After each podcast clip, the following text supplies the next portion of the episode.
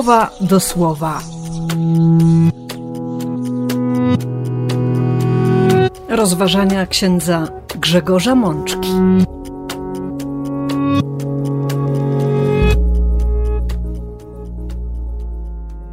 Dwudziesta szósta niedziela zwykła, rok A.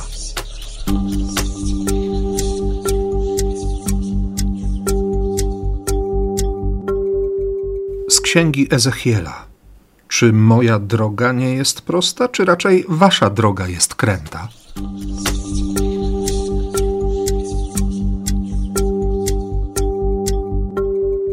Z Psalmu 25. Prowadź mnie ku Twojej prawdzie. Poucz mnie, bo Ty jesteś Bogiem, moim wybawicielem.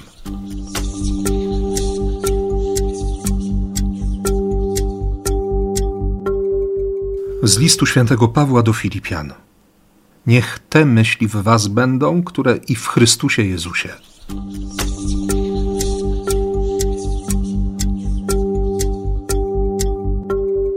Z Ewangelii według świętego Mateusza. Co o tym myślicie?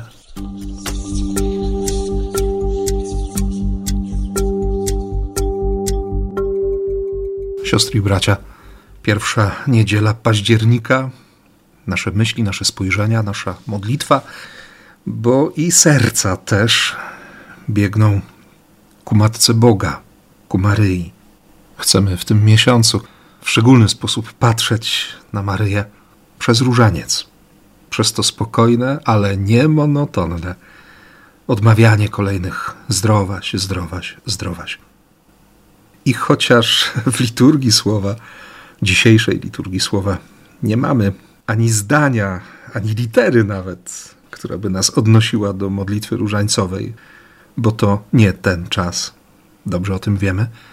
To zarówno liturgia niedzielna, jak i różaniec odrywają nas trochę od codzienności, a może inaczej, każą nam spojrzeć na codzienność przez doświadczenie łaski, bliskości Boga.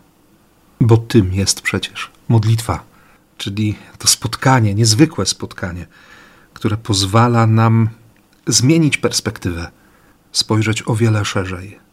I tak zwyczajnie, po dziecięcemu, wdrapać się na kolana Ojca Niebieskiego, by, by usłyszeć to, co On do nas mówi, niekiedy szeptem, by wodzić oczami za Jego ręką, zauważyć to, co On chce nam pokazać. I choć pierwsze czytanie zdaje się mówić o rzeczach trudnych, to chciałbym zaprosić Was, siostry i bracia, byśmy nie pozostali na tym 25 wersecie 18 rozdziału proroctwa, po którym w liturgii usłyszymy oto Słowo Boże, ale żebyśmy poszli trochę dalej. Bóg wchodzi w dialog ze swoim narodem. Narodem, który mówi: Droga Pana nie jest prosta. I nie tylko chodzi o poziom trudności proste, łatwe, przyjemne, miłe, trudne, nie do wykonania, nie do przeskoczenia, nie do zdobycia, ale również o kierunek. Wydaje się, że, że trzeba iść prosto przed siebie, a ludzie mówią, ta droga jest, jest pokręcona. A owa opinia wypływa z konkretnego doświadczenia, doświadczenia, o którym Bóg mówi: Czy wasza droga nie jest kręta? Przecież macie pokręcone myślenie. Zło nazywacie dobrem, dobro odsądzacie od czci i wiary. Nazywacie siebie ludem Boga, a żyjecie bezbożnie? Pan nie chodzi prostą drogą. A może to wy nie podążacie drogą prostą? Nawróćcie się, odstąpcie od wszystkich waszych bezbożnych czynów Odrzućcie od siebie wszystkie grzechy. Ukształtujcie sobie serce nowe i nowego ducha. Dlaczego dążycie do śmierci? Przecież ja nie chcę śmierci grzesznika. Dlatego tak bardzo jest nam potrzebne po raz kolejny to, o czym powiedziałem na początku. Wdrapać się na kolana Ojca Niebieskiego, wejść tak mocno w liturgię, w Eucharystię, w różaniec w tym miesiącu, by nabrać Bożych zwyczajów, by patrzeć tam, gdzie spogląda Bóg, widzieć to, na co Bóg zwraca uwagę. Nie przejść obojętnie obok tego, co przykuwa wzrok naszego Ojca Niebieskiego. A tego nie da się zrobić, jeśli nie będziemy z Nim przebywać. Jeśli wciąż, wszędzie i na wszystko będziemy mieli własne zdanie, własną opinię. Ten jedyny słuszny punkt widzenia, taki ludzki, taki nasz. Jak to jest z tą prostą drogą Bożą? Próbuje nam w tym pomóc autor Psalmu 25. Bardzo piękny tekst, jeden, jeden z moich ulubionych psalmów zresztą, w którym w piątym wersecie przeczytamy, a właściwie będziemy się modlić w liturgii. Prowadź mnie ku Twojej prawdzie, poucz mnie, bo Ty jesteś Bogiem, moim wybawicielem. W przekładzie liturgicznym usłyszymy: Prowadź mnie w prawdzie według swych pouczeń, Boże i Zbawco, w Tobie mam nadzieję. Czyja prawda się liczy? W kultowych polskich filmach czy serialach słyszeliśmy różne opinie na temat prawdy. Jest moja prawda? Ktoś inny gdzieś powiedział, że są trzy rodzaje prawdy.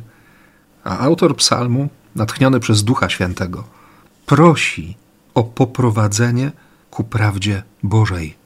Tak, przyjąć Boży punkt widzenia, uczynić Boga wiarygodnym, uznać Go za wiarygodnego. W przekładzie Biblii pierwszego Kościoła przeczytamy jeszcze w tym wersecie: Na Ciebie czekam każdego dnia. Jest ta tęsknota, to pragnienie serca, ta chęć uczenia się. Od 1 września minął już miesiąc. Być może niektórym zaangażowanym w proces edukacyjny i po jednej, i po drugiej stronie biurka nauczycielskiego brakuje sił. Może kończą się pomysły, może nie ma motywacji. A człowiek, którego poznajemy jako autora Psalmu 25, człowiek z krwi i kości, z konkretnymi problemami swoich czasów, z na pewno niełatwym życiem, będzie się modlił: Naucz mnie, poucz mnie, czekam na Ciebie każdego dnia. Skąd wziąć motywację? Gdzie znaleźć te chęci, które uruchomią do konkretnego działania? Na te pytania próbuje nam dziś odpowiedzieć apostoł narodów w drugim rozdziale swojego listu do chrześcijan w Filipii. Jeśli zatem jest jakaś zachęta w Chrystusie, jakieś pocieszenie miłości, jakaś wspólnota ducha, jakaś serdeczność i tkliwość, pełną uczyńcie moją radość, byście jedno myśleli, byście tę samą mieli miłość, te same uczucia, byście o jedno się troszczyli, niczego dla intryg, niczego dla pustej chwały, lecz byście jedni drugich uważali w pokorze za wyższych od siebie, aby każdy nie to, co swoje miał na uwadze, lecz każdy i to, co innych.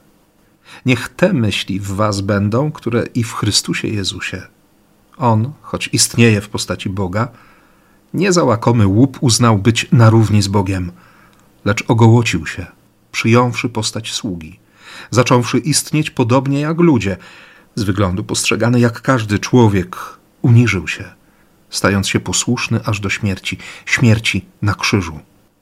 Dlatego Bóg go wywyższył i dał mu imię, imię nad wszelkie imię, aby na imię Jezusa uklękło każde kolano istot niebieskich, naziemnych i podziemnych.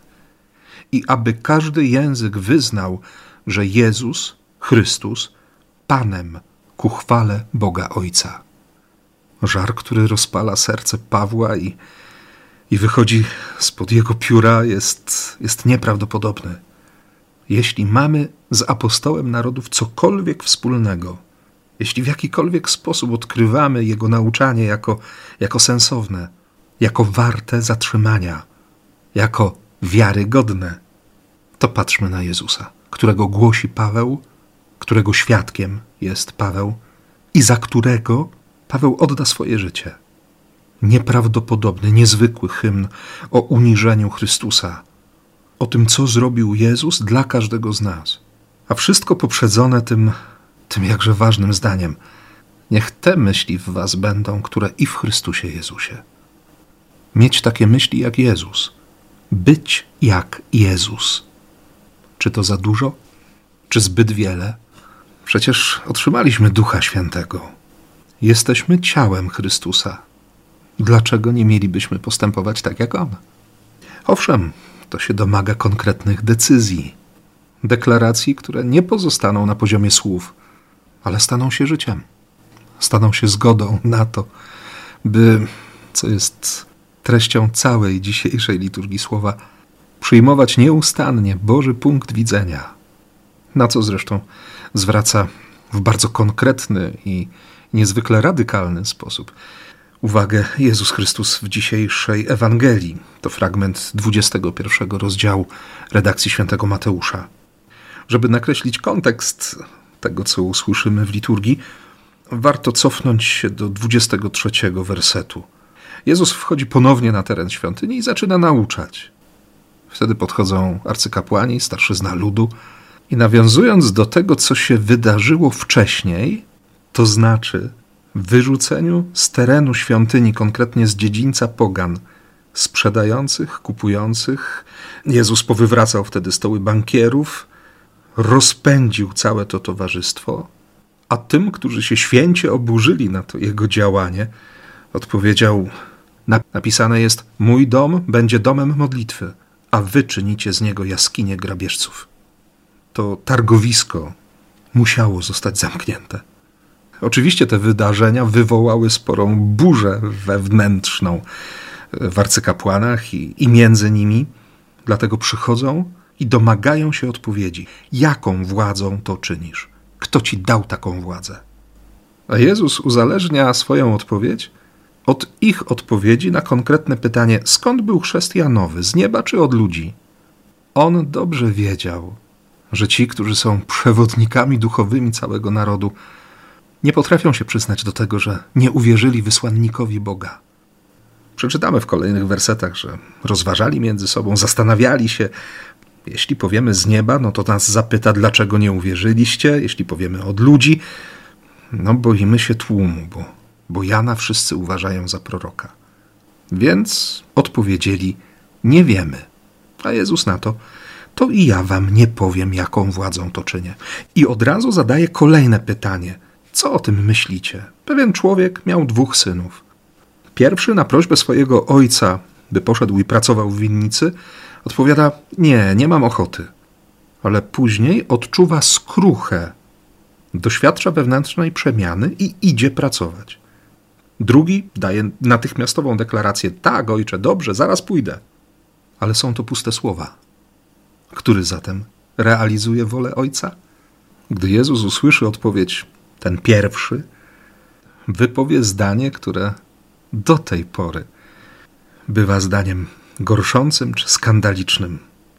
Poborcy i ladacznice prędzej niż wy wchodzą do Królestwa Bożego.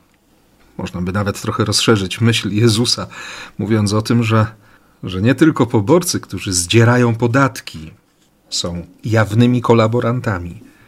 Ludzie, których macie w pogardzie, ale nawet prostytutki wyprzedzają was w drodze do Bożego Królestwa. Doskonale wiemy, że Jezusowi nie chodzi o to, by, by wejść na drogę grzechu i się nagle, spektakularnie nawracać. Ale to właśnie dziś jest dzień zbawienia.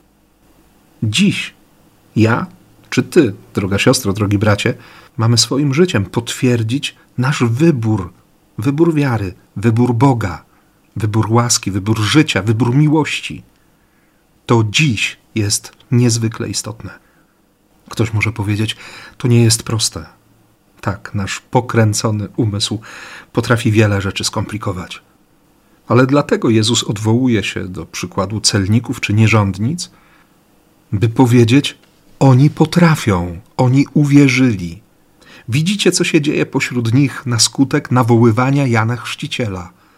Dlaczego teraz w waszych sercach nie rodzi się nawet ten promyk żalu, by się opamiętać, by mu zaufać, by iść za tym słowem, by iść za słowem proroka? Ostatecznie to będzie pytanie, dlaczego nie wierzycie mnie, synowi Bożemu? My dziś, siostry i bracia, doskonale wiemy, że, że chodzi o słowo Jezusa, że nie Jan Chrzciciel i jego posłannictwo, jego misja są fundamentalne to wszystko się zakończyło. Sam Jezus powie, że pierwsze przymierze obowiązywało aż do Jana. Od Chrystusa zaczęło się nowe. wszystko staje się nowe. Dlatego właśnie, widząc konkretne znaki, przemianę serca, zmianę sposobu życia, które się dzieją na skutek głoszenia Ewangelii, my też dzień w dzień jesteśmy zaproszeni, jesteśmy obligowani wręcz do tego, by, by żyć inaczej, by wyprostować swoje drogi. Owszem, Bóg wie o naszej słabości i dlatego, wracając do tego poszerzonego tekstu dzisiejszego pierwszego czytania, on w przedostatnim wersecie 18 rozdziału proroctwa Ezechiela, owszem, będzie zachęcał do tego, żeby sobie utworzyć nowe serce i, i nowego ducha, ale 18 rozdziałów później, widząc doskonale, że, że to przekracza ludzkie możliwości, powie: Dam wam serce nowe, nowego ducha tchnę do waszego wnętrza. Bóg to dla nas robi. Bóg nie chce śmierci grzesznika. Bóg chce, abyśmy mieli życie i to mieli życie na wieczność. Abyśmy mieli życie w obfitości. Więc, siostry i bracia, podziękujmy dzisiaj Bogu za, za te Jego pragnienia. I ze swojej strony zróbmy wszystko, aby one mogły się zrealizować. Niech tak się stanie. Amen.